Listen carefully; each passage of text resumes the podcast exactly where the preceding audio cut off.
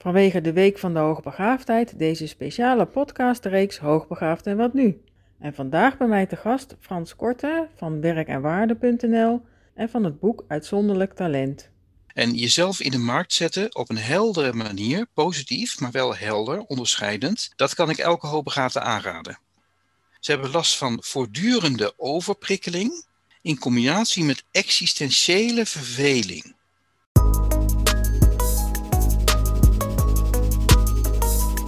Fijn dat je luistert naar deze speciale reeks Hoogbegaafd en wat nu. Een special vanwege de Week van de Hoogbegaafdheid. Mijn naam is Suzette Lemmers en tevens maker van de podcast Hoogbegaafd en Liefdespijn. In deze speciale reeks neem ik jullie mee in mijn speurtocht naar antwoorden op vragen zoals: Zijn er specifieke kenmerken waardoor ik erachter kan komen dat ik hoogbegaafd ben? Ik ben alleen hooggevoelig geen universitaire opleiding afgerond. Kan ik dan toch hoogbegaafd zijn? In deze week van de hoogbegaafdheid iedere dag inspirerende interviews met experts op het gebied van hoogbegaafdheid, waardevolle inzichten en praktische tips wat je kunt doen als je net hebt ontdekt dat je hoogbegaafd bent. Welkom uh, Frans. Leuk dat je mij wilt podcasten in deze speciale podcast van de Week van de Hoogbegaafdheid. En uh, die heet dan Hoogbegaafd en wat nu? Ik ben heel benieuwd naar jouw verhaal, naar het boek wat je hebt geschreven, Uitzonderlijk Talent. Daar heb je ook weer nu een nieuwe bijlage bij zitten van hoe zit het met de zeer hoogbegaafden. Dus ook heel interessant. Nou, voordat we daar dieper op gaan induiken, nou, stel je kort voor en ja, ik ben ook benieuwd van hoe heb je je weggelopen tot aan nu aan uh, hoogbegaafdheidscoach. Ik heb ook gelezen over, ja, je bent eigenlijk pionier. Dus nou ja, je hoort het, ik ben al heel enthousiast voordat je al antwoord kan geven. Dus uh, stel je even kort voor. Ja, dankjewel. Uh, ik ben van oorsprong bioloog. toen ik dat ging studeren was ik pas 16, want ik heb twee klassen overgeslagen. Nou, dat vond ik zelf allemaal niet zo bijzonder. Ik heb een hele tijd na wat omzwervingen een hele tijd gewerkt bij een heel innovatief milieubureau in Delft. Steeds bekender worden ze, staan bijna elke dag wel een keer ergens in de krant, CE. En, uh, maar toen ik daar ging werken, dat was in 92, dus alweer heel lang geleden. Nou, daar, daar werkte heel veel hoogbegaafden. Dat was zo'n hoogbegaafde hangplek. Mensen vragen mij wel eens waar zijn die, maar die zijn nergens. Die, die duiken op en die verdwijnen weer. Nou, eerst probeerde ik milieuonderzoeker te zijn, zoals zij, maar daar was ik niet zo goed in. En toen ging de PNO-man weg en toen zei ik, nou, dat wil ik wel doen. Toen waren ze heel erg verbaasd. Maar uiteindelijk ben ik dat wel gaan doen. En van PNO ben ik meer in de richting van loopbaanbegeleiding opgeschoven. En in eh, twintig jaar geleden had ik daar zo'n beetje alles gedaan wat daar gedaan moest worden. En toen dacht ik, ja, wat nu? En toen dacht ik, ja, dan moet ik dan maar voor mezelf gaan beginnen, want dat is in dit vak nou eenmaal gebruikelijk. Maar waar moet ik het dan over gaan hebben als loopbaancoach? En toen dacht ik, nou ja, laat ik het maar over die hoogbegaafden hebben. Want op dat moment was er pas één persoon in de wereld mee bezig. En dat was Willem Kuipers in Voorburg. En, en dan, over welk jaar hebben we het dan? 2001.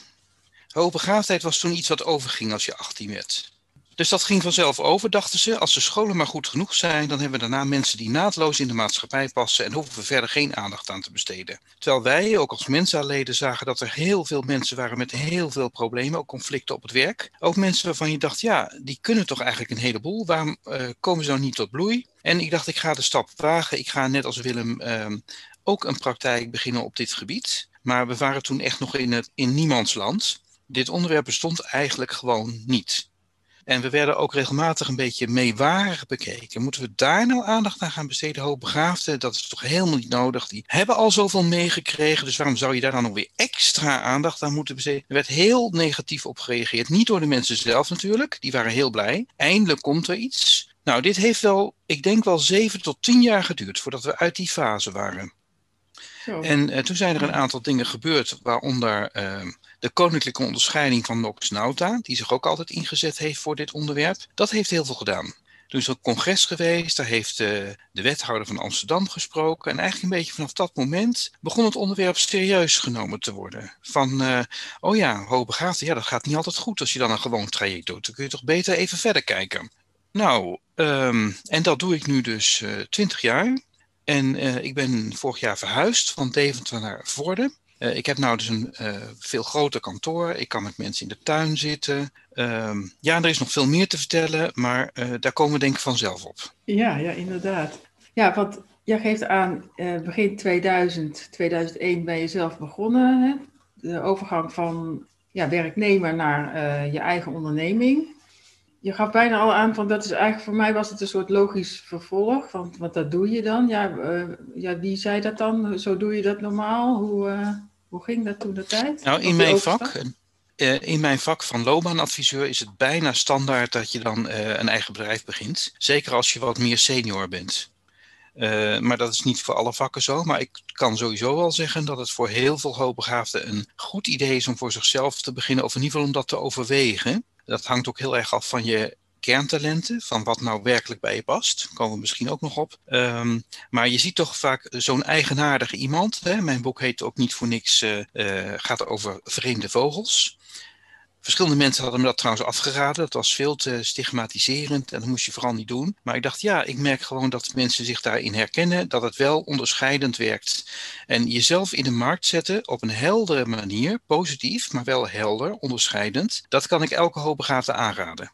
Want dan ga je op een gegeven moment ook de mensen naar je toe trekken waar jij ofwel als peer wat aan hebt, ofwel als opdrachtgever, ofwel als werkgever. Maar als je jezelf probeert als gemiddeld voor te stellen, dan lukt je dat toch niet. Dus dan blijf je een heel onaangepast gemiddeld persoon. Maar de mensen die echt wat aan je zouden kunnen hebben, zien je ook niet. Dus dat is gewoon niet handig. Het is beter om uh, veel meer te uh, articuleren in wie je bent, zichtbaar te zijn, liefst ook met plaatjes. En dan is dat heel spannend, want dan denk je, oh jee, oh jee, oh jee. Maar uiteindelijk zul je dan toch merken dat, dat het beter gaat lopen. Mooi. En ik hoor al een paar keer terug nu bij jou van, ja, mensen raden me het af om te doen maar toch doe ik het. Ja, wat heeft voor jou gemaakt dat je die stap toch durfde te zetten? Want dat is voor velen volgens mij die luisteren. En voor mij was het ook een grote stap om een eigen bedrijf te beginnen. Dus hoe heeft jou dat? Nou, om, te beginnen, uh, om te beginnen heb ik natuurlijk een partner die ook geld verdient. Dus dat scheelt al wel iets. Dus ik hoef het niet allemaal alleen te doen. En, en we hebben ook uh, best een hele tijd op zijn inkomen moeten leven. Want zo'n eigen bedrijf dat duurt, kan best jaren duren voordat je daarvan kan leven. Maar verder dacht ik, ja, dit is volgens mij gewoon wat ik te doen heb. En mijn bedrijf heeft ook vanaf het begin uh, ook een emancipatiedoel gehad. Dus ik dacht, uh, uh, ik werkte niet voor niks bij een milieubureau, hè? People, Planet, Profit, dat begon toen net te komen. En ik vind het ook het mooiste als je het op de een manier kan combineren. Dat je dus probeert ergens geld mee te verdienen. Liefst ook een boterham met kaas erop, zoals mijn vroegere collega's dat zeiden. En niet alleen maar een droge boterham. Maar dat je dan ook iets bijdraagt aan het grotere geheel. En dat heb ik ook altijd geprobeerd met ook bijvoorbeeld congressen, met artikelen. Dus een van de eerste dingen die ik heb gedaan is in een artikel opschrijven wat ik wist over hoogbegaafdheid. Want er was toen helemaal niks, eigenlijk helemaal niks. En dat artikel is de hele wereld overgegaan, over het internet wat nog maar net echt bestond. Wow. En dat was heel erg leuk, want dat had ik met Nox Nauta onder andere geschreven. En uh, ik, we hebben daar wel duizend reacties op gekregen. Mooi. En heel veel mailtjes ja. ook vol tranen. Wow. Ja, van herkenning. En, van herkenning. Ja. En wat ik onder andere had gemaakt, ik ben natuurlijk niet voor niks bioloog, die biologen determineren graag. Dus ik had een soort determinatietabelletje gemaakt van uh, kenmerken die jij zelf van jezelf ervaart en kenmerken die de omgeving aan jou ziet. En ik heb dus regelmatig, zijn er twaalf geloof ik, staan in mijn boek. En er zijn zelfs klanten die zeiden, nou ik herken ze gewoon allemaal. En mijn baas herkende ze ook allemaal en samen ja. moesten we erom lachen. ja, dat, dat viel me inderdaad ook op uh, aan jouw boek, hè? want ik heb het een jaar geleden gekocht. En wat je nu inderdaad ook aangeeft, dat sprak me aan van, ja, hoe ziet die buitenwereld mij? Hè? Dat is ook wel heel verhelderend in jouw boek, uh, zoals dat aangegeven wordt. Ja, en hoe heb je dan toen in je beginperiode die informatie verzameld over hoogbegaafdheid? Nou, ik had natuurlijk om te beginnen al uh, tien jaar met die mensen gewerkt. Hè? Dus ik heb heel veel uit de praktijk gehaald, eigenlijk alles. Dus uh, ik had tien jaar lang die mensen uh, begeleid, opgevangen, en gekeken naar hun carrières, met ze gepraat. Uh, daar werd nooit over gepraat over hoogbegaafd bij CE in Delft. Want het was gewoon gewoon.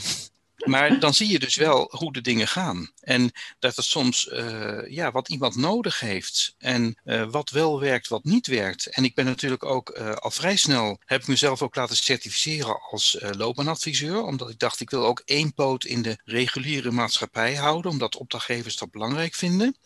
Maar wat er uit die hoek kwam, daar had ik niet zoveel aan. Ik merkte gewoon, ik ben, oh ja, ik ben altijd proefpersoon 1. Dus bij elke methode die ik ga gebruiken, ben ik de eerste proefpersoon. Als ik een nieuwe therapeut ontdek, waarvan ik denk, dit is iemand waar we wat aan kunnen hebben, dan ga ik zelf altijd eerst een sessie doen. Ah. nou, als dat dan hopeloos verloopt, dan denk ik, nou, dit ga ik niet aanraden. Nee. Op een hele enkele uitzondering na dat ik denk, dit klikte niet met mij, maar dat klikt misschien wel met een ander. Maar met name alle persoonlijkheidssystemen die ik toen tegenkwam, dat, dat was gewoon helemaal niks. Dus dat het invullen van vragenlijsten grotendeels irritatie geeft, wat eruit komt niet zeggend is. En als ik dan die ene vraag over die bloemkool anders had ingevuld, was ik ineens een ander type geworden. Nou, dat is niet, daar moet je bij mij niet mee aankomen en bij mijn klant ook niet. Nee. Dus, dus uit ervaring heb je in die tien jaar het een en ander opgeschreven. Deed je dat dan op, inderdaad op een website? En hoe, uh, hoe, hoe verzamel je verder die gegevens? Hoe, ja, hoe zorgde je ervoor dat anderen daar ook kennis van konden nemen? Nou, ik schreef dus regelmatig artikelen. Ik heb een heleboel artikelen geschreven. Op mijn site kun je daar nog veel van vinden. En het voordeel van een artikel schrijven is dat je feedback krijgt. Dus uh, dat is ook een manier om kennis te verbeteren. Hè? Dus je deelt je kennis, daardoor kunnen anderen daar kennis van nemen. En die kunnen dan zeggen, nou, maar daar ben ik het helemaal niet mee eens. Of volgens mij klopt dat niet. Of heb je dit al gelezen? Dus dat is een manier om te leren. Verder heb ik heel veel cursussen gedaan. Uh, ik heb zes jaar psychosynthese gestudeerd. Dat is een, uh, een, een bijzondere afsplitsing van de psychologie die heel erg over de ziel gaat. Nou, veel klanten hebben ook existentiële vragen, dus het kan geen kwaad om daar wat mee te gaan doen. Nou, dat was confronterend en boeiend, maar toch heb ik er niet zoveel aan gehad. Want hun manier van doen, als ik dat ging toepassen op mijn klanten, dan zeiden ze: Wat ben jij aan het doen? Oh. Wat doe je nou? okay. Dat ik, oh, dit is toch, dit, dit, ja, het lukt mij niet om dat mijn eigen te maken. Terwijl ik het mensbeeld wat erachter zit wel heel boeiend vind. Um, nee, dus dat was, uh, uh, dat is nog niet zo makkelijk om, uh, om aan kennis te komen. Het is sprokkelen, zoals ik in mijn boek ook zeg. Ja, dus echt vanuit ervaring vanuit je eigen omgeving en reacties die je toen kreeg. En uh, nou ja, andere mede-hoogbegaafde coaches of begeleiders. Hè? Ook, we hebben ook heel uh, in vroeg stadium al intervisiegroepjes opgezet. En waar ik heel veel aan gehad heb, is mijn, uh, een van mijn leermeesters, Rinke Visser. die heel erg in, gewijd is in de levensloopkunde. En daar klikt het heel goed mee om die instrumenten in te zetten. Dus instrumenten die helpen om iemand te begeleiden in zijn levensloop. En heel veel van die ideeën komen uit de antroposofie. En die antroposofie is nogal een gesloten wereld, daar komt niet zoveel uit. Uh, dat blijft vaak binnen, zo bedoel ik. En uh, Rinke had dus zich als doel gesteld: laten we die kostbare dingen die daar bedacht zijn, nou eens naar buiten brengen. En laten we ook die uh, esoterische termen een beetje weglaten. Van, weet je wel, een astraal lichaam en dat soort dingen, dat schrikt mensen toch al af. Ja. Dus hij heeft daar wat gewonere termen voor gekozen. En uh, dat werkt ook heel goed, alleen duurt het een beetje lang. En mensen hebben, uh, opdrachtgevers hebben altijd haast. Dus uh, als je iemand gaat begeleiden vanuit het biografische, dat is heel boeiend, heb je ook heel veel aan. Maar het duurt langer, dat maakt het duur. Dus ja. Dus dat was dan weer het nadeel daarvan. Dus dan merk je dat werkgevers eigenlijk een, een soort kant-en-klaar pakket willen voor hun werknemer, zodat hij ook zo snel mogelijk weer aan het werk kan. Ja, dat is wat ze heel graag doen. En dan hebben ze tegenwoordig hebben natuurlijk de wet poortwachter. En er zitten allemaal stappen in. Maar het vervelende van al die dingen is dat ze totaal geen richting geven. Dus die protocollen van de bedrijfsarts die helpen ook eigenlijk helemaal niet. Nee. Dus je moet het andersom doen. Je moet samen met de klant kijken wat hebben we nou nodig. En dan proberen we het daarna in het formatje van de bedrijfsarts te proppen. Ah, ja, dat is hoe ik het probeer te doen. En we kennen ook steeds meer bedrijfsartsen, dus dat, uh, uh, dat gaat ook steeds beter. We worden inmiddels best serieus genomen. Heel veel bedrijfsartsen weten ook van, oh ja, hoogbegaafd, ja, dan moet je misschien toch wel even bij hoogbegaafd in bedrijf gaan kijken. En niet naar zomaar een reïntegratiebureau. Gelukkig is er veel meer bekend dan toen, uh, toen jij als zelfstandige begon. Ja. Ik denk dat er in Nederland nu wel 15 tot 20 boeken over volwassen hoogbegaafden zijn, die nu leverbaar zijn. Ja. Moet je nou, nagaan. Gelukkig, ja. Ja, want nu wil ik uh, wat dieper ingaan op jouw boek. Van, hoe is dat dan tot stand gekomen? Jouw boek Uitzonderlijk Talent. Dat is een leuk verhaal en een verdrietig verhaal.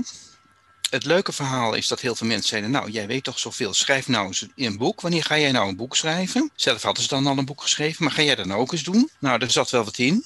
Maar toch gebeurde dat niet echt. Want ik dacht, ja, moeilijk en zo. Ik heb ook drie studies gedaan. En ik heb er maar één afgemaakt. En dat probleem is altijd de scriptie. Dat vind ik echt verschrikkelijk. Ja. Nou, een boek is toch eigenlijk een soort grote scriptie. Nou, toen gebeurde er iets heel akeligs. Uh, de dochter van een goede vriendin van mij, en die ken die vriendin al 40 jaar, is uit mijn eerste jaar van de studie, die uh, maakte een eind aan haar leven. En ze was overduidelijk hoogbegaafd en heel gevoelig. En ze had ook al een heleboel mooie dingen laten zien. En toch lukte het haar gewoon niet om um, ja, haar leven vorm te geven. En, en ze, voelde zich enorm opgejaagd. En toen dat gebeurde, en dat was niet de eerste keer dat ik zo'n verhaal hoorde. Toen dacht ik, ja, als mijn boek nou eens ook dat soort mensen kan helpen. Uh, dan is dat wel uh, misschien een goed idee. En tijdens, ik zat een tijdje op yoga. Ik, dat is nu even gestopt, want het is te ver weg, Deventer. En toen tijdens de yogales kreeg ik een soort ja, visioen, zeg maar. Waarbij zij mij ook eigenlijk vroeg om dat boek nou maar eens te gaan maken. Dus dat is het verhaal. Ja. En toen dacht ik, ja, zo'n boek maken, dat is een enorme klus. En ik kan dat niet alleen. En dan sta je eigenlijk voor de keuze of je gaat het met een collega doen, maar dan krijg je toch vaak een beetje een slap aftreksel van beide visies. Vind ik niet altijd zo, uh, zo goed, want dan, eh, ik, ik hou wel van een beetje prikkelend. Dus ik heb het boek gemaakt samen met uh, drie kunstenaars. En die hebben mij ook geholpen om te zorgen dat het boek af zou komen. Als een soort stok achter de deur, of hoe, uh, hoe werkte dat voor jou? Nou ja, ik heb ze dus, uh, het zijn uh, twee kunstenaars van het uh, Tam Tam Objectentheater. Die geven al 40 jaar voorstellingen over de wereld. En die worden gemaakt met objecten. Dus het zijn geen mensen, maar objecten. En die kunnen dan allemaal poppetjes en zo maken. En toen heb ik, ik ken hun dus goed, ik zit in hun bestuur. En toen zei ik tegen hun van, kunnen jullie misschien mijn boek illustreren? Nou, leuk. Wat wil je dan? Ik zei, nou ja, lees het eens even, wat, wat ik al heb. Ik had al wel iets. En toen werd ik op een gegeven moment gebeld. En dat was Marij. En die zei van Frans, kun je even naar het atelier komen? Want we hebben hier een aantal vogels voor jou klaargezet. En dan kunnen ze even kijken of dit is wat je ongeveer gedacht had. Wow fietsen daar naartoe. Toen waren daar een enorme hoeveelheid doosjes. En er zaten al die vogels in die zij hadden gecreëerd. Ik dacht, ja, super, dit is natuurlijk ongeveer wat we willen. Maar ja, toen dacht ik, nou zijn die vogels er. Nou moet het boek natuurlijk ook komen, want anders is het wel heel zielig voor die vogels. Ja, ja inderdaad, ja. Dus zo heb ik dat eigenlijk gedaan. Dat is eigenlijk een mooie wisselwerking, ja. En ja, wat, wat voor reacties heb je op je boek gehad? Nou, om te beginnen heb je natuurlijk al gewoon de verkoop. Kijk, het feit dat, ze, dat de eerste druk helemaal uitverkocht is. Nou ja, dus er staat hier, is nog één plankje met boekjes hier. Ja. Uh, dat is uh, al heel veel zeggen, want ik heb er 4000 laten drukken. Dat is echt heel veel. En dat heb ik gedaan omdat het helemaal in kleur is. En een bijzonder papiersoort en een bijzonder formaat. En dat werd heel duur als ik er maar 1000 zou doen. Dat, dat was onbetaalbaar. Dus ik dacht, als ik dit een succes wil laten zijn, dan moet ik er meteen 4000 laten drukken. Dan is de kosten per exemplaar nog een beetje te doen. Dus ja, het feit dat er zoveel verkocht zijn en dat er eigenlijk maar vijf teruggekomen zijn bij mij van mensen die het niet wilden hebben. Okay. Nou, dat zegt al heel veel. Uh, de boekhandel heeft ze natuurlijk ook verkocht en wat daar precies gebeurd is, weet ik niet. Maar ik moet wel zeggen, dat eerste artikel 20 jaar geleden, daar heb ik veel meer reacties op gekregen. Dus die, daar hebben we duizend reacties op gegeven. Maar dat was ook het enige wat er was. Ja. Kijk, nou is het in de, in de. Er is zoveel te vinden, ook gratis. Maar ik krijg over het boek regelmatig. Uh, uh, ja, nou ja, de reviews op bol.com zeggen al genoeg natuurlijk. Ja, en hij is nu vertaald in het Engels, toch? Dat is ook helemaal mooi. Ja. Ja. Ik heb hem laten vertalen in het Engels. Daarvoor had ik natuurlijk weer een vreemde vogel nodig. Die dat kon en wilde doen. Het moest natuurlijk niet alleen een, uh, iemand die het Engels beheerst, maar ook een creatief persoon die een beetje mee kon denken, na kon denken. Die heb ik gevonden in Eindhoven, via, via, via. Lizzie Keen heet ze. En ik vind dat ze het heel goed gedaan heeft. Uh, heel levendig is het geworden. Ik heb het zelf allemaal gelezen en dacht, goh, wat een interessant boek. Dacht, oh, ik heb het zelf geschreven.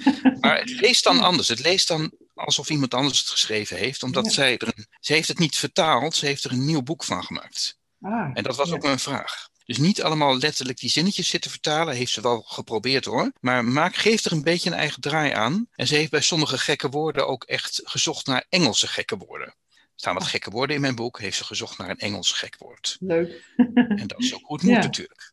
Ja, inderdaad. Ja, en wie schaar jij onder uitzonderlijk talent? Jij zei al vreemde vogels. Ja, hoe, ja. Wie zijn de vreemde vogels volgens jou? Nou, dat is een hele interessante vraag en daar is geen antwoord op. Uh, ik heb gezien dat in het begin uh, er eindeloze discussies zijn gevoerd over wie is nou hoogbegaafd, wat is hoogbegaafd, hoe meet je een IQ, welk IQ procent en al dat gedoe. En ik las dat en ik hoorde dat en ik dacht, ja, ik vind het eigenlijk een vervelende discussie. Hij, hij voegt ook niks toe voor mij, want er komt niks uit waarvan ik denk, daar hebben we wat aan. Uh, ik denk wel dat het IQ er absoluut mee te maken heeft. Een hoog IQ hoort erbij. Maar ja, die testen, zijn nog niet zo geschikt voor de hoogste IQ's. Dus juist mensen met een heel hoog IQ willen wel eens een keer vastlopen in de test. Ja, hebben ze dan een hoog IQ of niet? Ja, dat is natuurlijk, uh, waar ligt het aan? Ja. dus dat is natuurlijk een interessante vraag. Dus ik ga er gewoon bij mij vanuit. Ik heb een website, ik eh, heb mezelf heel duidelijk neergezet, boek ook nog.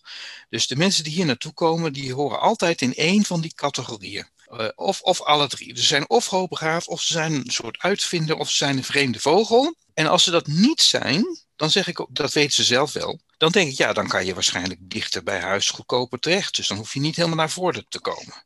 En je geeft aan in je boek van, uh, nou, topsporters, die moeten ook begeleid worden. Ze hebben wel een talent, maar dat komt niet goed naar buiten als ze niet goed begeleid worden. Dat geldt dus ook voor uitzonderlijke talenten. Ja, maar ik denk zelfs nog meer. Ah. Want als je dus zo'n uitzonderlijk talent hebt, dan ontstaat er vaak zoveel verwarring omdat uh, op school vaak al, dus de juf zegt we gaan het zo doen en dan denk je dat je dat doet en is het toch niet goed. Hè, dat soort dingen. Uh, de juf zegt uh, dit is heel erg belangrijk en vervolgens doet ze dat zelf niet. En dan ben je, zeg je daar wat van. Dan denk je dat vindt de juf fijn als ik haar daarop wijs. Nou, dat is helemaal niet zo. Dus dat zijn allemaal van die dingen. Dat geeft heel veel verwarring. Gepest worden komt heel veel voor. dus ik denk dat van mijn klanten misschien wel de helft gepest is. dat heeft heel nare gevolgen gepest worden. En juist bij dat waar we het net over hadden, jezelf articuleren, jezelf uh, uh, profileren in de samenleving, dat wordt moeilijker als je gepest wordt. Want als je gepest bent, heb je het idee, als ik zeg dat ik iets wil, gaat dat natuurlijk niet gebeuren, want dan gaan ze me daarmee pesten. Dat zit er dan heel diep in. Als dat op je achtste al ingeprent is, ja. dan uh, wordt het leven niet makkelijker. nou ben ik even kwijt wat je vraag ook weer was. Uh, ja, ik eigenlijk ook wel. Maar ik wil wel even doorgaan op de verse. ja, zo gaat het dan. Want hoe kan je dat dan omdraaien naar iets positiefs? Hè? Of hoe, ja, hoe krijg je dat, dat ja, hoe je vroeger tegen je uitzonderlijke mening of waar je voor uitkwam, ja, het, het, brengt wat in de maatschappij. Hè? Op dat moment wordt het waarschijnlijk niet gezien door je omgeving, maar uiteindelijk zal het wel wat brengen. Hoe zou je dat dan kunnen omvormen? Nou, een van de, uh, je vroeg, dan weet ik ook weer wat je vraag was. Je vraag van, was, uh, hoe, wat zijn nou die uitzonderlijke talenten? Maar wat ik uh, tegenwoordig straks zeg, is, het gaat er niet om hoe begaafd jij bent. Het gaat erom hoe je begaafd bent. Kan je dat dus nader uitleggen? Ja? Ja, dus hoe hoog dat IQ is, is eigenlijk niet zo interessant als het weten waar dat IQ zich in manifesteert. En waar ik heel erg blij mee ben, is dat ik tien jaar geleden in België, in diep in België, een methode tegenkwam waarvan ik denk, die past nou echt heel goed bij deze klanten. En dat is de kerntalentenanalyse. En die is bedacht door een ook zo'n vreemde vogel, een mevrouw in België, mevrouw Danielle Krekels. En die heeft 10.000 mensen geïnterviewd. Elk twee uur lang, dat is waanzinnig veel. Ja, En toen heeft ze op basis van, zonder theorie, maar op basis van al die interviews en al haar aantekeningen op losse papiertjes, heeft ze toen een soort systeem uh, is naar boven gekomen. Waarmee ze dus uh, op basis van wat je als kind graag deed, tussen 4 en 12 jaar, kunnen we een profiel maken wat eigenlijk vertelt, zo ben jij begaafd. Aha. Dus jou, het gaat eigenlijk helemaal over de goesting. Dus het, het is Belgisch, hè? dus het, het wordt de goesting. Eigenlijk wordt jouw goesting helemaal uitgesplitst. Ik had net een cliënt hier, hebben we dat mee gedaan. En er kwam eigenlijk uit dat zijn goesting onder andere was om uh, dingen te verbeteren. Uh, technisch creatief te zijn, maar dat ook zo te doen dat het probleem niet meer terugkomt. Dus dat het ook structureel verbeterd is. En dat is interessant, omdat de meeste technici houden zich niet zo bezig met uh, de organisatie. Techniek en organisatie zien we vaak als twee dingen. In de methode van Danielle Krekels kan het best uitkomen dat je allebei heel leuk vindt. En dat je dus het liefst iets wil doen waar dat allebei in voorkomt. Maar PNO-mensen die denken vaak, ja, voor het een heb je iemand nodig, die heeft MBA gedaan, en voor het ander heb je een techneut nodig. Dus we zoeken twee mensen. Maar ja, soms zijn mijn klanten dus iemand uh, die eigenlijk dat allebei tegelijk wil doen. En ook dan pas gelukkig wordt. En dat heeft dus een heleboel uitleg nodig. Ja, en hoe pak je dat dan aan? Uh, bijvoorbeeld bij dit, ja, als je die twee banen ziet, hoe zou je dat dan kunnen combineren? Dat je je werkgever duidelijk maakt van ja, maar ik ben zo'n persoon die je nu als twee vacatures uitzet. Nou, een van, de, uh, een van mijn adviezen is altijd om praat over wat ik heel leuk vind om te doen is dit of dat. In plaats van ik kan dit goed en ik kan dat goed. Want dat ik kan dit goed en ik kan dat goed, hoe waar ook, Daar schrikken mensen vaak van. Collega's schrikken ervan. Die denken, "Ah, dan moet ik dat ook allemaal zo goed kunnen. Uh, leidinggevenden schrikken daarvan. Die denken, oh jee, dan uh, gaat hij vast ontdekken wat hier allemaal niet klopt. Terwijl als je zegt, uh, ik vind het uh, zowel leuk als, ja, even een voorbeeld. Ik vind het zowel leuk als om het boek te schrijven, als om de foto's te maken voor het boek, als om de layout te maken. Dat vind ik eigenlijk allemaal leuk. Dus als wij hier nu binnenkort gaan reclamefolders maken bij ons technisch bureau, zeg maar wat. Ik zou het wel leuk vinden om dat te doen. Nou, dan kan het zijn dat je baas zegt, nou nee hoor, dat gaan we niet doen, want we hebben daar al iemand voor. En uh, nou, ja, nee, dat sorry. En dat is jammer, maar dat moet je, uh, dat moet je kunnen incasseren. Uh, dat, is, dat is de keerzijde van zeggen wat je graag wil, is dat mensen kunnen zeggen, ja, dat kan wel wezen, maar dat gaat niet door of dat gaan we niet doen. Toen ik zei, heel lang geleden, ik wil dat PNO-werk wel gaan doen, reageerde ze ook helemaal niet enthousiast toen hadden ze zoiets van, wat? Want de vraag was namelijk aan mij, wil je je met beton gaan bezighouden of met kantoor, winkel en dienstenafval of met GFT? nou, toen na heel lang denken zei ik toen, ik wil wel personeel en arbeid gaan doen. En toen had ze echt zoiets van, hè? Jij? Want zo zagen ze mij helemaal niet. Toen zijn ze het aan een aantal mensen gaan vragen in het kantoor. En die zeiden, nou, nou, dat, zou wel, dat is nog wel, wel oké eigenlijk. En toen na drie weken zijn ze teruggekomen en zeiden ze, ja, we hebben er nog eens over nagedacht. We zien eigenlijk geen andere oplossing. Ja, oké. Okay. En toen dacht ik, nou, nou dus niet narrig gaan doen, maar gewoon zeggen, laten we het proberen. En kijken uh, of het lukt. Had je dan en, van tevoren een, een, een, zelf een plan gemaakt van, ja, je vindt het leuk, maar ja, wil zo'n werkgever, jouw werkgever, wil hij dat dan zien? Of inderdaad aan de hand van de ervaringen van andere collega's? Ik had helemaal geen plan. Uh, er werd al jaren aan mij gevraagd: wat wil je nou gaan doen? Jij moet je duidelijk gaan profileren, want we willen jou beter inzetten. Want we zien wel wat in jou, maar het komt er niet zo van, zo ongeveer. En uh, toen dacht ik, ik was eigenlijk wel opgetogen. Nou, weet ik het, dit wil ik gaan doen. Ja. Maar dat was helemaal niet wat in het plaatje past. Maar het is dus wel gebeurd. En wat ik zie dat hoogbegaafden vaak doen, dan gaan ze het gewoon doen. Maar dat werkt vaak niet goed, want ten eerste ziet niemand het dan. Uh, en ten tweede gebeurt het dan ook nog wel eens dat er dan een vacature komt en dan word jij niet gevraagd. En heb je dan advies voor mensen die dat tegenkomen, die zien dat er ook bepaalde dingen anders kunnen? Ja, en hoe breng je altijd, dat dan aan je werkgever? Altijd zeggen van, uh, ik zie dit en dit. En ik zou, uh, zou u het een goed idee vinden als ik een voorstelletje maak, hoe we dat aan zouden kunnen pakken. En dat voorstelletje moet je dan het liefst ook in stukjes doen. Dat je bijvoorbeeld zegt, ik maak eerst een probleemanalyse, daar ben ik twee dagen mee bezig. Schrijf je dan een stukje over en dan gaan we uh, verder kijken. En dan kan het dus zijn dat ze zeggen, nou nee hoor, want wij zien helemaal geen problemen met uh, de omzet. De omzet is prima. Klanten zijn heel tevreden. Jij weet dat dat niet waar is. Maar ja, als zij dat zo voelen, dan, ja, dan houdt het een beetje op. Ja. En dan kun je uh, dus beter verder gaan kijken van is er een ander bedrijf wat een beetje op ons bedrijf lijkt, waar ze dit misschien wel interessant vinden. Want er hoort ook heel vaak nee bij. Als je jezelf duidelijk gaat profileren, krijg je heel vaak nee te horen, maar soms ook ja. En die ja's zijn ook echt gemeend dan en helpen jou ook. En sterker nog, soms wordt een nee een ja. Dus uh, je zegt bijvoorbeeld, uh, je hebt iets, je zegt wat je wil doen. En dan zegt je directeur, nou nee hoor, dat, dat hebben wij hier niet nodig. Maar zijn zus, die ook ergens directeur is, heeft dat misschien wel nodig. Aha. En die zijn samen op een feestje en die babbelen wat. En zeggen, ja, we hebben een medewerker, die, die moet je maar eens even mee bellen. Want zo gaat het ook, hè? Ja, Als je precies. een goed verhaal houdt, ook al past het niet daar, kun je wel doorverwezen worden naar uh, iemand anders soms. En dat gebeurt best vaak. Ja, dus als ik het uh, even in mijn woorden kan uh, uitleggen, dan is het goed om toch vast te blijven houden aan ja, wat je dan zelf daarin voelt en wat je zelf aan een ander wil laten zien. Ja, in mijn boek noem ik het ook niet aanpassen, wel afstemmen.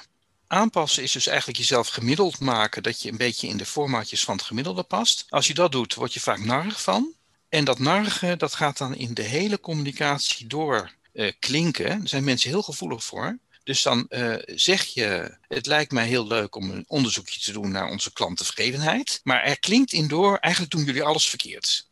Nou, daar zijn mensen heel gevoelig voor. Dat, dat werkt niet goed. Um, dus dat, dan is het afstemmen dus eigenlijk misgegaan. Want je hebt een positieve boodschap, maar er zit een narig toontje onder. Wat je dus beter kan doen is niet aanpassen. Dus je bent jezelf. Maar je gaat wel heel erg opletten. Komt het uit? Welke woorden zal ik gebruiken? Uh, is dit de juiste persoon die ik moet hebben? Kan ik het in stapjes verdelen? Dat soort dingen.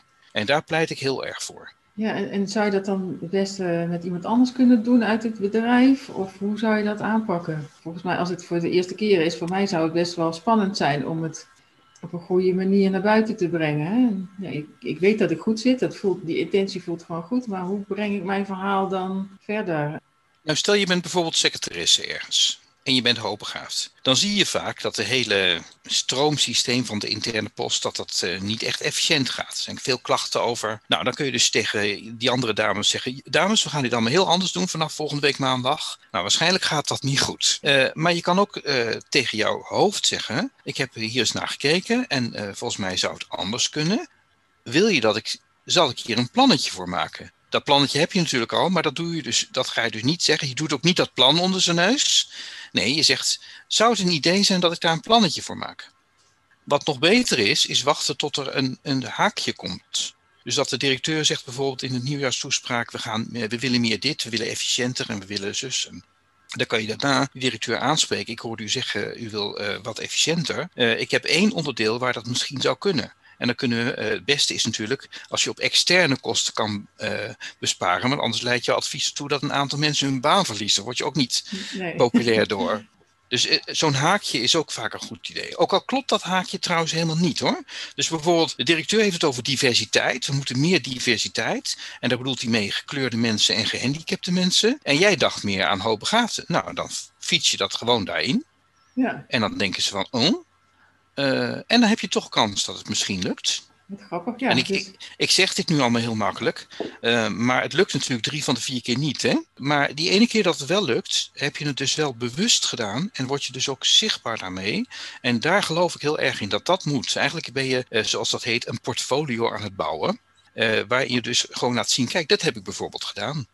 Mooi. Dus gewoon blijven proberen. Dat, dat is het zo. Blijven proberen, ja. afkijken soms ook van andere mensen. Uh, dus hoe doet, waarom krijgt zij nou dat allemaal voor elkaar wat zij vraagt? Hoe doet ze dat nou? Dan gaan ze even kijken hoe ze dat doet. En kijk dan, is er iets van wat ik over kan nemen? Een deel misschien niet. Je denkt, nou, dat ga ik niet doen. Maar als je bijvoorbeeld ziet dat zij altijd plaatjes gebruikt als ze iets vertelt, denk je, ja, zou ik ook plaatjes kunnen gebruiken? Zou dat helpen? Of, of denk je dan bijvoorbeeld, nee, ik ga geen plaatjes gebruiken. Ik ga dingen meenemen om te laten zien. Ik ga iets frutselen of knutselen. Kan ook. Ja, dus ook met, met, inderdaad met eh, beeldende taal, wat je ook al aangeeft in je boek. Dat is ook Heel goed te gebruiken. Ja. ja. Want niet sec de, de feiten opnoemen, maar ja, een verhaal, mooi verhaal, uh, storytelling noemen ze dat tegenwoordig. De feiten doen er veel minder toe dan mijn klanten denken. Dus de uh, beslissingen worden heel vaak niet op feiten genomen. Op basis van een gevoel. En uh, hoogbegaafden hebben vaak de neiging om feiten uit te zoeken. Maar de rest van de wereld doet dat helemaal niet zo.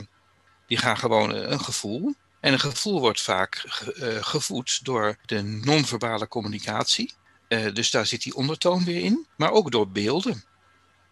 Dus het is een goed idee om je boodschap te ondersteunen met beelden en daar je eigen stijl weer in te kiezen. Dus niet na te doen wat andere mensen zeggen, want dat is jouw stijl niet. Nee, jouw stijl kiezen. Dus ik heb voor mijn boek ook mijn stijl van illustraties gekozen. Nou, mijn stijl, eigenlijk eh, die van uh, de makers natuurlijk. Maar ja. ik dacht, dit vind ik wel passen in mijn boek. Daarmee heeft mijn boek meteen al een, uh, een, een, hele eigen uitstraling gekregen. Ja. En heel veel mensen gaan het boek dus ook niet, als ze dat in de winkel zien staan, gaan ze dit niet inkijken. Als ze zoeken naar een managementboek, een degelijk managementboek, ga je dit boek niet kopen. Dit, is, dit ziet er niet uit als een degelijk managementboek. Ja, ja, het is ook maar net hoe die directeur erin zit, hè? of die daar uh, aangesproken wordt. Ja. Nou, als die directeur zelf een beetje een vreemde vogel is, dan Precies. denk je, oh, dat is misschien wel interessant. Ja, ja. ja leuk. Ja, en hoogbegaafden hebben ook een sterk rechtvaardigheidsgevoel. En... Ja, dat zeggen ze altijd. En wat is jouw ervaring daarmee? Nou, ik vind het een verhaal. Ja, ik, ik weet niet of ik, ik, ja? ik zou daar niet zoveel waarde aan willen hechten eigenlijk. Ik denk dat ze uh, vaak uh, heel goed dingen uit weten te zoeken. En dan kunnen ze dat rechtvaardigheidsgevoel gaan voeden. Maar ik weet niet of dat altijd wel zo rechtvaardig is wat ze zelf denken. Ik denk dat ze uh, hun best doen om dat heel goed te doen, maar altijd ook wat vergeten. Iedereen, hoe goed je ook ziet, je ziet ook altijd dingen niet. En daar moeten wij ons ook heel bewust van zijn. Dat je veel meer ziet dan de anderen, wil niet zeggen dat je alles goed ziet. Wij maken ook fouten. En uh, daar heb ik helaas vele voorbeelden van gezien. Dus daarom ben ik niet zo fan van die uitdrukking. Oké, okay, ja, helder. Ik, ik, ben, ik ga veel liever uh, naar die goesting. Wat wil je graag? Wat vind je belangrijk? Gelijk krijgen is eigenlijk ook niet zo belangrijk. Het gaat erom dat je een goede toekomst in kan gaan bij een arbeidsconflict. Dus dat je gelijk krijgt na drie jaar procederen, wat heb je daaraan? Ga liever proberen een regeling te treffen waarmee je je eigen bedrijf kan beginnen, omdat je een cursus mag doen die je daarbij helpt. Of dat je een eerste opdrachtje nog meekrijgt voordat je weggaat of zoiets. Eh, ook al krijg je dan netto minder, je bent wel vaak veel meer geholpen. En je schrijft ook over bore-out en burn-out klachten. Is dat iets specifieks voor uh, hoogbegaafden? Of ja. is dat meer voor? Ja, daar heb ik zelfs een. Uh, dat is het enige wat ik heb voorbereid. Ik was uh, in een internetdiscussie vorige week, dat doe ik wel eens aan mee. En toen was een collega van mij die allemaal pikkelende vragen aan mij stelde. En toen had ik hier precies hierover een zinnetje. En dat is dat ik denk dat heel veel hoogbegaafden die niet goed in de vel zitten, te maken hebben met een combinatie van twee vervelende dingen. Ze hebben last van voortdurende overprikkeling in combinatie met existentiële verveling.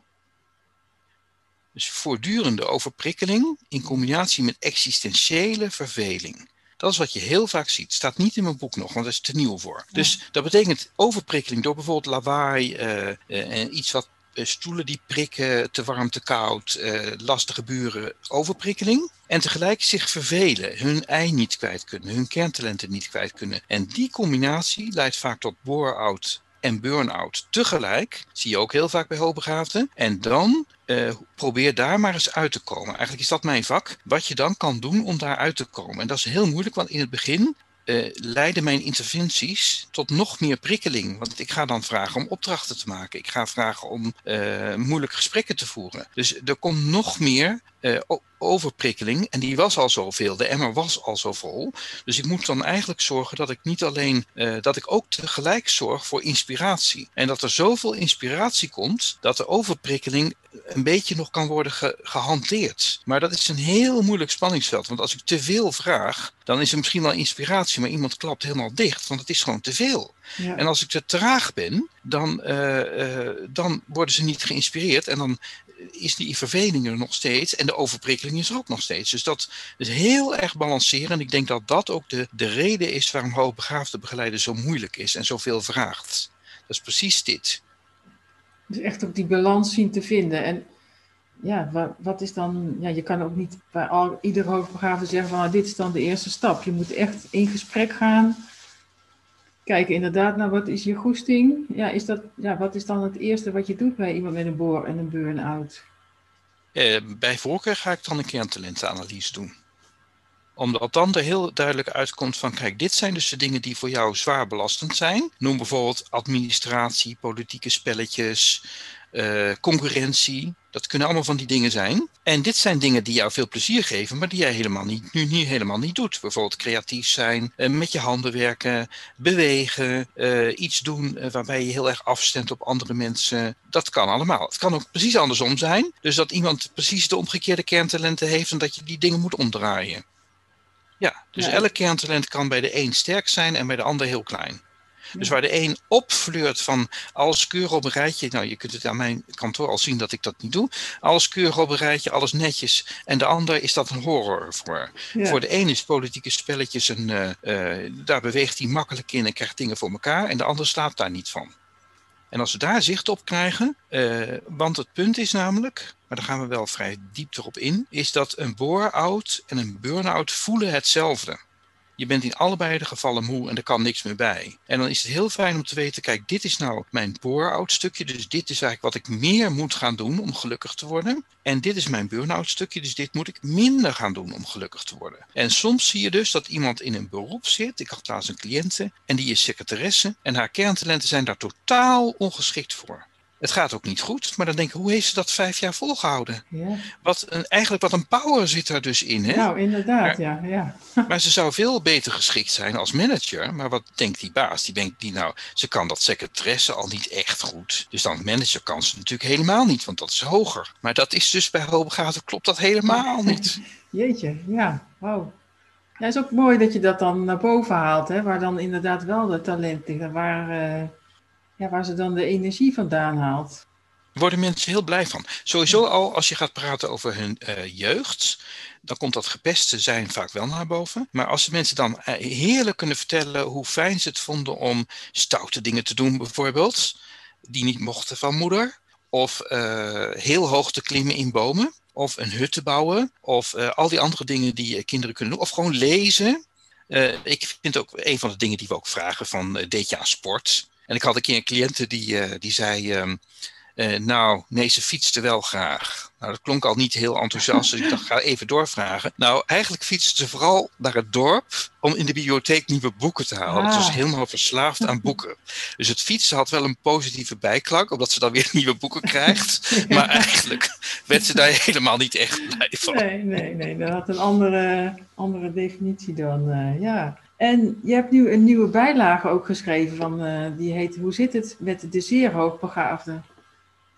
Hoe, uh, ja, wat was de aanleiding? Nou, mijn boek was dus klaar, het Nederlandse boek. En dan krijg je, als je alles opgeschreven hebt, dan krijg je dat je weer na kan gaan denken over nieuwe dingen. En een van de dingen, omdat die andere dingen een plek hebben gevonden. En een van de dingen die mij erg bezighoudt is de zeer hoogbegaafde.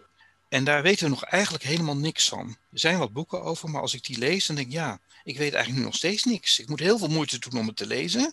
En daarna weet ik eigenlijk nog steeds niks. Want wat ik vooral zou willen weten is hoe moet ik ze dan begeleiden? Wat, uh, wat voor thema's spelen er? Ik ben nogal een kritische lezer, dus daar heeft dat mee te maken. Dus ik dacht, ik ga gewoon weer doen wat ik twintig jaar geleden ook gedaan heb. Ik ga gewoon maar eens opschrijven waar ik zelf ben. En ik heb dingen opgeschreven die ik zelf nog nergens gelezen heb. Ik heb namelijk opgeschreven, eigenlijk heb ik weer zo'n tabelletje gemaakt als de vorige keer. Alleen is het nou een heel ander tabelletje. Het is een tabelletje met dingen waarvan ik denk dat als, de, als er daar veel van tegelijk aanwezig zijn, dat dat een aanwijzing is voor zeer hoogbegaafd zijn. En denk je dat zeer hoogbegaafden weer net even anders benaderd moeten worden dan hoogbegaafden? Ik denk dat ik eigenlijk al vrij veel zeer hoogbegaafden in de praktijk heb. Je trekt dat vanzelf aan. Uh, het komt allemaal nog wat nauwer. Je moet nog wat verder in de verte kijken. Eigenlijk weten we het niet. Maar wat ik wel weet is de andere kant daarvan. Ik heb meermalen verzucht. We zitten nu met dat COVID-probleem. Hadden we nou maar drie zeer hoogbegaafden bij elkaar gezet van drie verschillende disciplines, en hun laten bepalen hoe we dit aan hadden moeten pakken. Want het gaat zo ontzettend verkeerd. En op het moment dat ze dan ruzie maken, gaat een van de twee eruit, sowieso. Net als dat je bij eh, honden in het asiel eh, doet. Als ze ruzie hebben, dan worden ze uit elkaar gehaald. Ja. En dat moet dus iemand anders dan bepalen. En op het moment dat je er drie hebt gevonden die samen uh, weliswaar heftige discussies voeren, maar tot ideeën en conclusies komen. Ja, ik denk dat zeer hoogbegaafden voor dat soort hele ingewikkelde problemen heel geschikt zijn. En dan niet twintig, maar gewoon drie. En overzichtelijk hoeveel. Omdat die zeer hoogbegaafden vaak drie disciplines heel goed beheersen. Echt daar heel veel van weten. En dit zijn zulke complexe problemen. Dan heb je eigenlijk negen disciplines nodig. Hè? Sociale wetenschappen en uh, iets over uh, geneeskunde en iets over infectieziekten en iets over virussen en iets over biologie en ga zo maar door. Economie, en voor je ja. het weet heb je dan een, een comité van veertig wetenschappers die eigenlijk alleen maar maar die niet tot de kern komen. En dat zou je met. Dus daar, dat zou ik hopen dat we als wereld dat meer gaan doen. En dat we dan vervolgens niet doen wat ze zeggen, maar ons laten inspireren door wat ze zeggen. Dus het kan best zijn dat we zeggen: dit is een prachtig plan, maar het is niet haalbaar. Dus we maken het toch een stapje simpeler of we doen het toch een beetje anders. Of zo. Maar laten we ons eens laten inspireren door een paar van die mensen samen. Dat zou ik heel graag willen. Zou dat nu ook nog kunnen, denk je? Want ja, het liefst heb je dat natuurlijk aan het begin van die, deze crisis gehad, maar zou dat nu ook nog een optie zijn?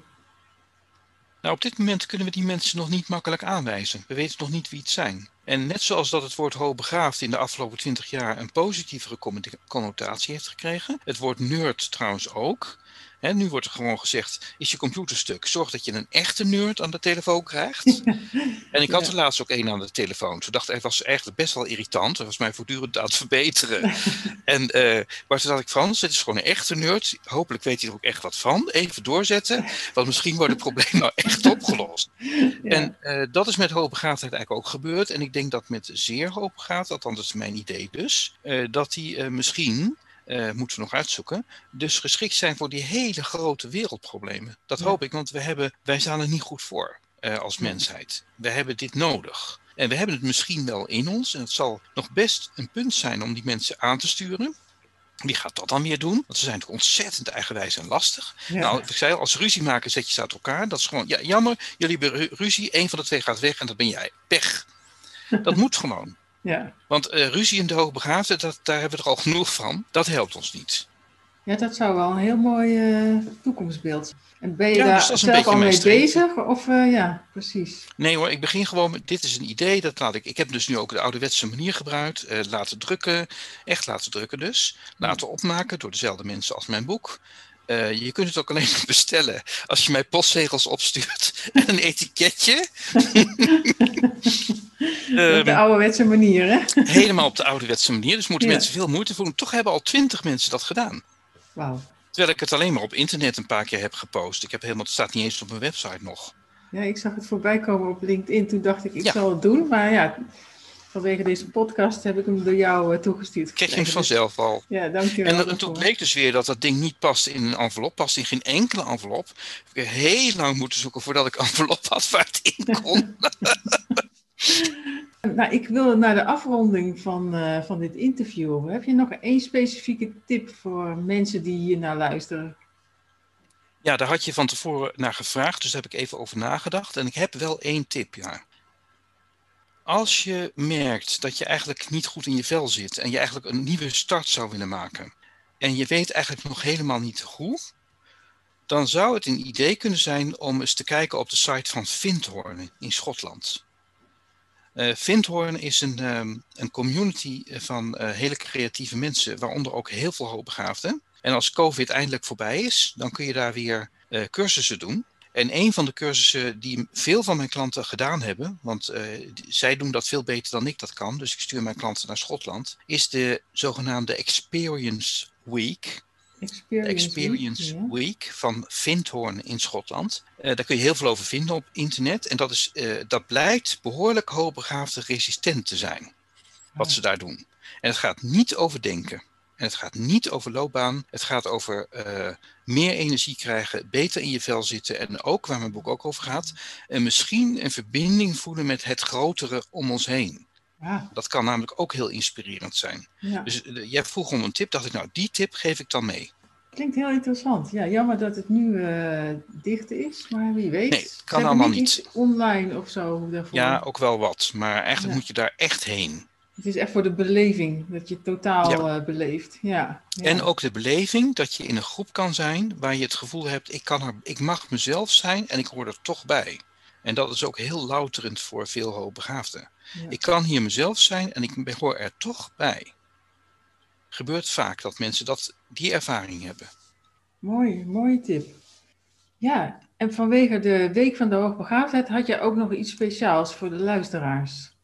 Ja, we, gaan, eh, we zijn bezig met eh, de promotie van het Engelse boek. En als er dus mensen zijn die zeggen, ik wil zo'n boek wel ontvangen en ik wil er wel iets over schrijven, eh, op social media of waar dan ook, dat mogen ze helemaal zelf weten wat ze gaan schrijven, mag ook heel kritisch zijn. En liefst ook met een fotootje erbij van iets wat ze leuk vonden uit het boek, een plaatje of zo. Dan kunnen ze dus een gratis boek bij mij aanvragen.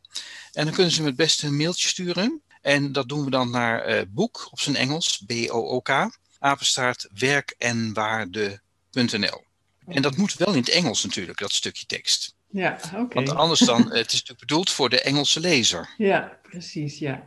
Dus we kunnen het mailen naar boek in het Engels, B-O-O-K, werkenwaarde.nl.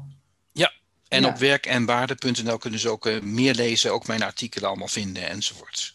Ja, fantastisch. Leuk, leuk dat je dat weg wil geven. Ja, Eh, tien boeken doen we. Tien boeken, oké. ja. Ja. Dus wie het eerste komt met wat jij net aangaf, die, eh, die maakt Ja, die krijgt er één, hè? Ja, die krijgt er één. Ja, ja, ja.